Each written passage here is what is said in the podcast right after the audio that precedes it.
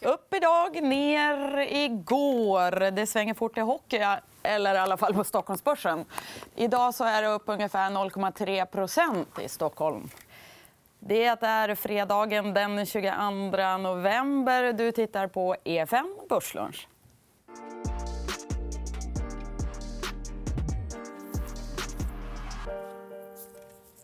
Mm, en tung PMI-dag där ute. Det kommer vi inte prata så mycket om. Det är också wienerbrödets dag, läste vi. Så vi köpte in några sådana wienerbröd här till studion. Men vi ska faktiskt fokusera på lite mindre hälsovårdsbolag idag. Det gör vi med, tillsammans med Siri Ladov ny gäst här i studion och Erik Sprinkhorn, vår kära gamla inventarie.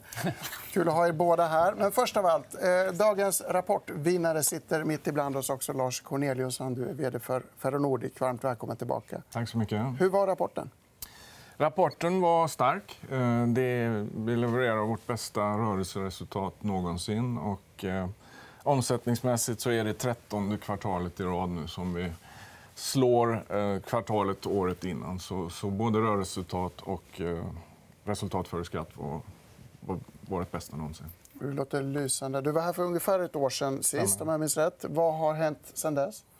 Det har hänt mycket. Framför allt har vi fortsatt att utveckla vår verksamhet i, i Ryssland där vi då har utökat vår verksamhet inom det vi kallar för contracting services. Där vi då tar ett steg till ut i värdekedjan och inte säljer en, en, en maskin eller reservdelar till kunden utan vi faktiskt säljer en levererad kubikmeter. Så vi tar betalt för, framförallt i gruvbolagen för en levererad kubikmeter med egna maskiner och egna Både grävmaskinen och tjänsten? Alltså. Hela tjänsten ända ut i, till kunden. Och eh, det har vi då växt sen kvartal tre förra året mot det här kvartalet med över 200% i omsättning. Så det är en stor del av det vi har gjort. Vidare har vi tagit ett steg utanför eh, Ryssland och eh, är numera sen eh, första kvartalet verksamma i Kazakstan där vi har nu satt upp sju anläggningar. Och Eh, expansionen går eh, enligt plan och faktiskt lite bättre än vad vi hade räknat med. så Det är också positivt. Vi har annonserat att vi sätter upp en, ett center för helrenovering av komponenter i eh, Ekaterinburg i Ural, södra Uralbergen då, där vi helt enkelt eh, tar in begagnade komponenter, motorer och växellådor och renoverar upp dem och, kommer, och kan sätta då in de här maskinerna i framförallt begagnade maskiner som vi då kan trada in och sälja som nästan nya så vi kommer få ett bättre grepp om begagnadmarknaden också. Kan man, är det någon likhet där mellan... Du säger att ni går in i Kazakstan, mm. Tyskland. Man kan tänka att Kazakstan kanske är lite mer likt Ryssland. Kazakstan är, är, är, likt Ryssland i många aspekter. Det är, ekonomin ser ungefär likadant ut. Det är samma segment som driver ekonomin. Mm, man pratar ryska, nästan allihopa. Så det, är, det är väldigt likt eh, Ryssland. Sen har vi också då under det här kvartalet annonserat att vi kommer att gå in i Tyskland och bli återförsäljare för Volvo och Renault lastvagnar i ungefär 20 av, av Tyskland. Då vi helt enkelt eh, köper, tar över en del av Volvos egen verksamhet i Tyskland plus att vi då köper två anläggningar från en privat dealer också.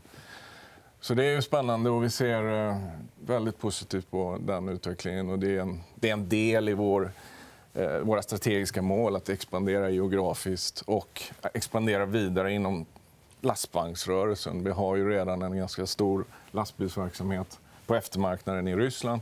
Så det ska bli otroligt spännande att gå in i Tyskland och göra det här nu. Erik, du hade en fråga. Ja, nej, men jag tänker på, alltså, omsättningen ökar ju fint och marginalerna går upp. Och, så, men vad händer på, på kapitalsidan? Det, det, det, är inte riktigt lika tydligt för mig. Om, om, om, och därmed då vad som händer med avkastning på, på operativt kapital och så när man gör de här förändringarna? Ja, när vi går in till exempel och satsar mer i contracting services där vi då äger maskinerna själva så är det klart att vi, vi binder mer kapital. Men å andra sidan så har vi då en, en eh, förhoppning och en avsikt att, att det ska inte så att säga, minska return on, on capital employed. Och det ser vi att det, det har det inte gjort. Och samma med tyska verksamheten? Tyska verksamheten eh, förväntar vi oss lägre marginaler i än vad vi har i Ryssland idag. Och därför har vi något sänkt våra finansiella mål för, på ebit-marginalen. Att vi tar ner en 1 procentenhet. Men det är mer kapitallätt verksamhet också kanske? Då. Ja, alltså vi, vi kommer inte att ha särskilt mycket bundet kapital jämfört med till exempel contracting services. Siri, du hade en fråga också. Ja, men jag funderade lite på, på eh, klimatet på din Mm. marknad. Hur du upplever att kunders affärsvilja är nu jämfört med låt säga ett år sedan. Kanske? Ja, den ryska marknaden är på väg tillbaka och har varit på väg tillbaka under några år nu. Och, eh, den var ju väldigt tryckt ner när, när det här med sanktioner och oljepriset gick ner. Så att för varje år som gått nu så har det blivit mer och mer positivt. Och dessutom så har ju ryssarna äntligen börjat förstå att det skadar inte att satsa på infrastruktur. Och det har man då ett program för som nu ska ut i, i genomförande och vi hoppas att eh, vi ska se det här. Och det är ett stort program på totalt 180 miljarder dollar. Så det är klart att i en sån, sån eh, miljö så, så är kunderna intresserade av att investera.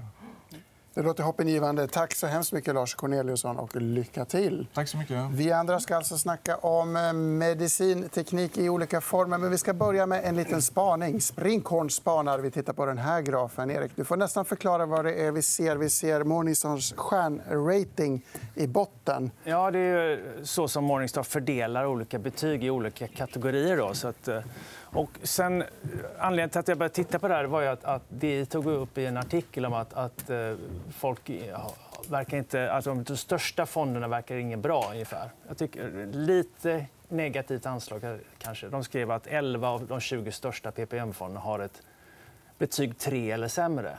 Men stjärnor är lite av ett trubbigt redskap. Eller hur ska vi se på? Ja, man skulle kunna vända på det så att, att 17 av 20, 85 av, av de, de, de 20 största har faktiskt ett, ett betyg som är 3 eller bättre.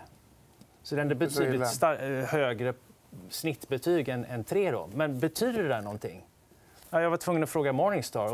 Och, och, de fr- framhåller tydligt att det här är inte hotellratings. Ett hotell förblir detsamma liksom, över tiden. Fonder blir inte, nö- är inte nödvändigtvis de, de samma. Och, samma förvaltare kan ju lyckas olika väl över tiden.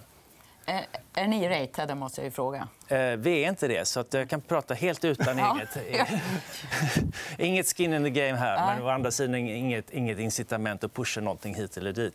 Eh, och, och, även om jag vill inte syssla med rå, pensionsrådgivning, men jag ty- tycker ändå att, att PPM-systemet är ett utmärkt verktyg för att folk ska engagera sig i, i sin egen pension. Och, och därmed så blir man intresserad av aktier och därmed blir man intresserad av sparande generellt. Det är en jätteviktig poäng. Jag tror inte att en stat nödvändigtvis väljer bättre än vad, vad kollektivet gör. Eller vad, Nej, men, nej, men absolut. Det är väl en jätteviktig poäng att, att framföra som jag kanske tycker inte får höras så mycket i media.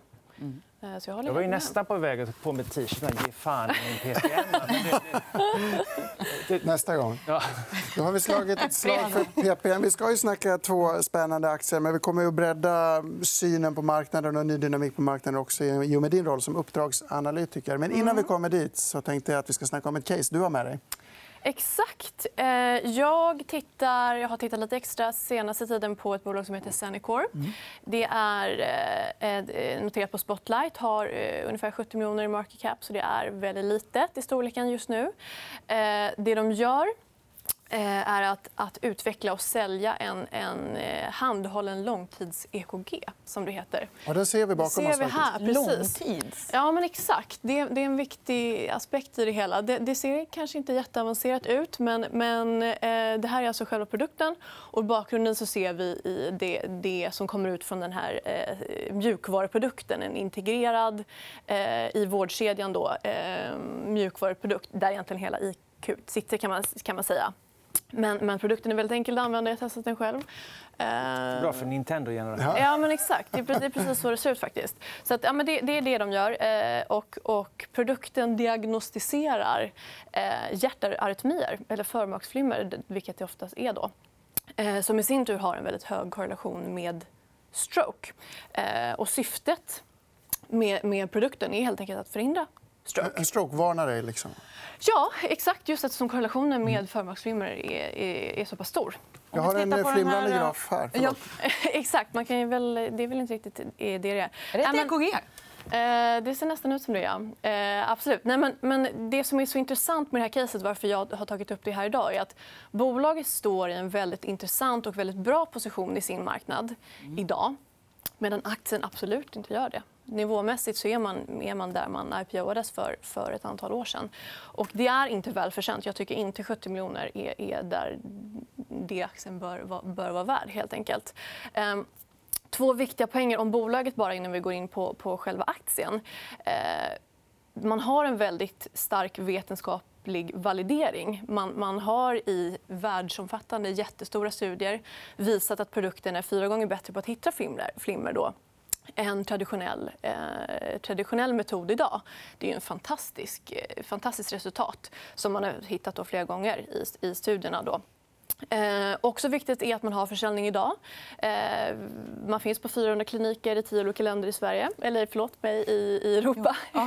så att, så att, eh, det är ju någonting som inte kanske är jättevanligt i den här branschen, medtech eller pharma, eh, där förhoppning om, om försäljning finns. Men här, här har man alltså absolut bevisat sin affärsmodell. Sjukhuskunder är köparna. Så att säga. Du, Ja, du köper inte den exakt. själv och har hemma. Nej, precis. Utan, utan du, du får med dig den här, den här produkten hem så har du den hemma i två veckor då, istället för ett som bäst två dygn som det ser ut i, i vanliga fall. Det är därför den kallas långtids-EKG.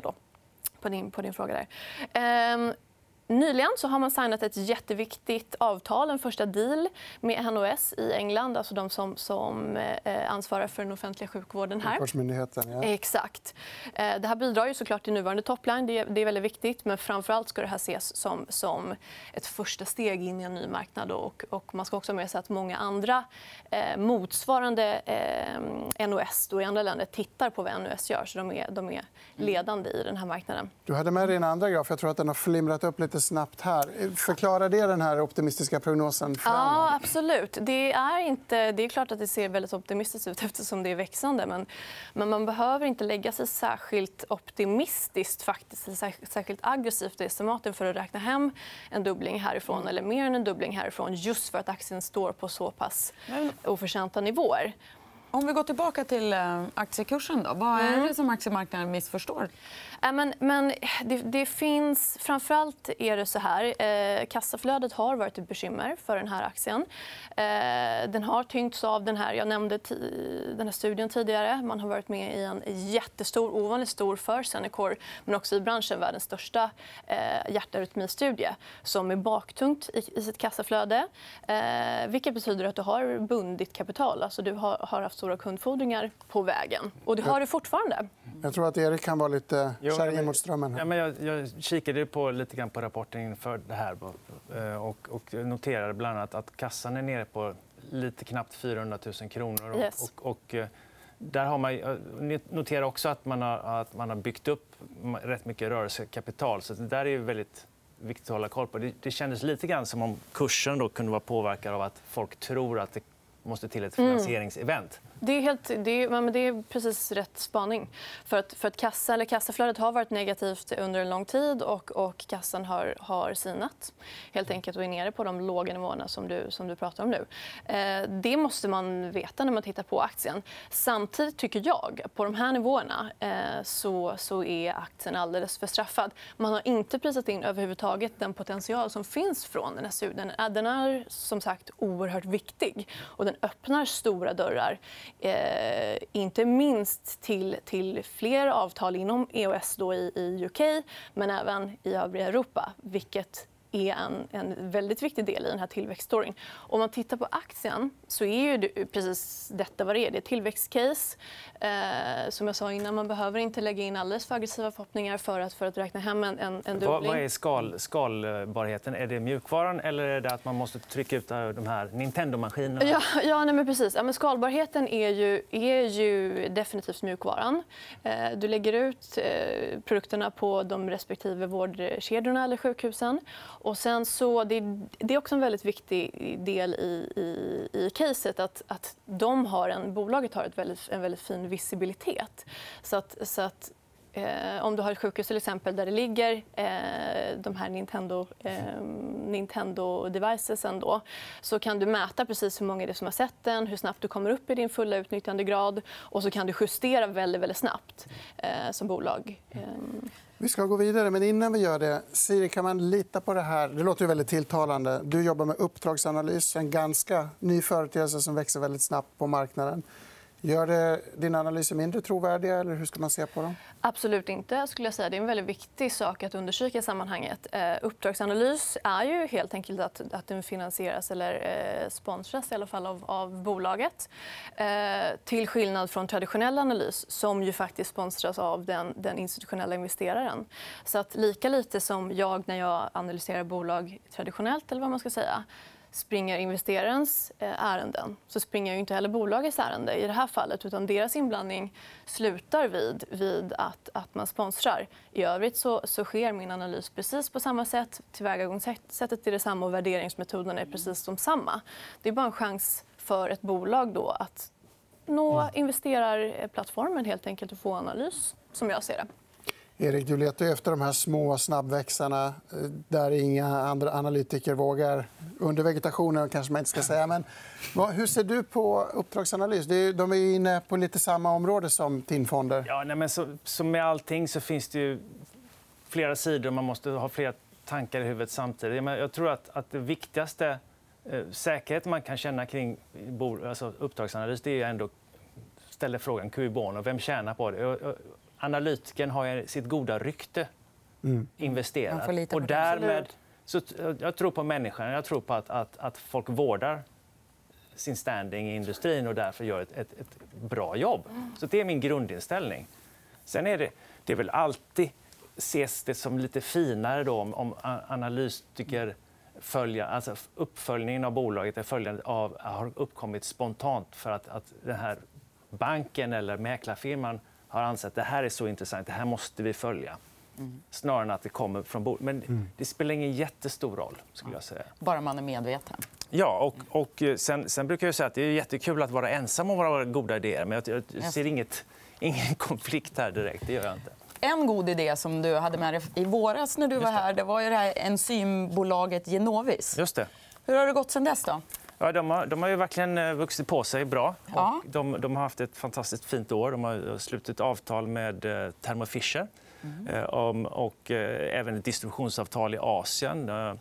De har skaffat sig en, en CFO och det, det, det är verkligen byggt kvalitet i verksamheten. För de som inte minns så handlar det alltså om enzymer som man kan använda när man utvärderar läkemedel under utveckling. om jag minns det. rätt. Det har gått som en raket på börsen, men idag är aktien ner 6% Har det hänt något som vi borde känna till nu? Ja, men det, svaret är väl, ligger väl i att aktien har gått så hemskt fantastiskt bra. Och, och, och värdering är väl den stora utmaningen i bolaget. Den handlas då nästan 30 gånger omsättningen i princip.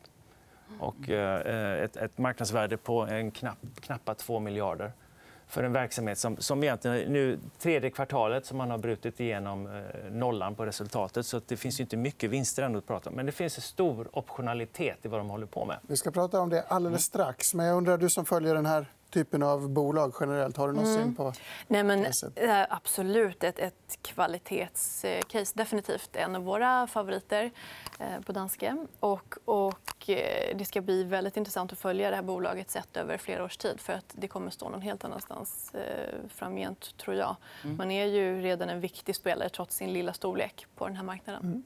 Du har med dig ett par grafer. Ja, precis. ner i den första, som jag tror det var rullande ebit. Ja, men det här är bara för att... Det var ju så vackert. Sist jag var här då hade vi Q1 och det var, det var nästan symboliskt. Och nu har det, det växer på bra. Mm. Det finns en bra skalbar affär med höga bruttomarginaler och en, en, en, en fast kostnadsmassa. Så det, det, är bra skalbarhet i affären, vilket nu syns i de här siffrorna. Och nästa graf får du nästan förklara. Nästa graf visar omsättningen. Och där har vi en komponent i ljusrosa som jag vill att du snackar oss igenom. Ja, det är en brutal omsättningstillväxt här, även i Q3. Och, eh, det här är drivet av ett, ett avtal man gjorde eh, inom bioprocess, det vill säga där man använder de här enzymerna i läkemedelstillverkning snarare än en utveckling. I utvecklingskedjan Aha. handlar det om att snabba upp processer. Mm. Göra lika många test på fyra timmar som andra metoder gör på fem dagar. Och då säljer man de här grejerna i mikrogram. Men bioprocess, då är det en ingrediens i läkemedel. Förstår jag det rätt? Då? Exakt, i, Ja. i tillverkningsprocessen. Då. Och då pratar vi kanske i kilon långsiktigt snarare än mikrogram. Wow. Så att det, det, det blir en helt annan uppskalning på volymer. Okej, inte samma pris då givetvis, men, men med tiden med de här volym, tillverkningsvolymerna kan ju även Genovis förbättra sin egen tillverkning och, och fortfarande bibehålla riktigt, riktigt bra marginaler. Men det öppnar ju också. Det kommer bli en volatil affär. Det kommer inte finnas såna här affärer varje kvartal. Avslutande reflektion, Siri? Ja, men jag hade lite fundering. Visst är det så att man, man har de allra största farmabolagen som kunder, inklusive FDA? Är det inte så? Tror mig veta Ja, de har många bra kunder. Jag- har inte detaljkunskap om alla deras... Eller Nej, men jag tror att det, är de och Det är intressant. Ja, men det, de är största de verk... ja, men det är verkligen intressant. Det visar ju såklart vikten av vilka de är. Så med varningen för att det kan bli en liten skakig resa så är utsikten ändå lysande och vi har nått ett konsensus här i studion. det känns skönt. Va? Ja, känns skönt. Det är ju faktiskt fredag, vi har wienerbröd, vi vill ha fin stämning. Hörrni, nu är det slut för idag. Imorgon är det lördag, då är det hattens dag om jag inte har fel. Idag var det wienerbrödets dag. Men inget börslunch imorgon. Vi är tillbaka på måndag istället som vanligt 11.45. Då ska vi snacka betting. Missa inte det. Trevlig helg och tack för idag.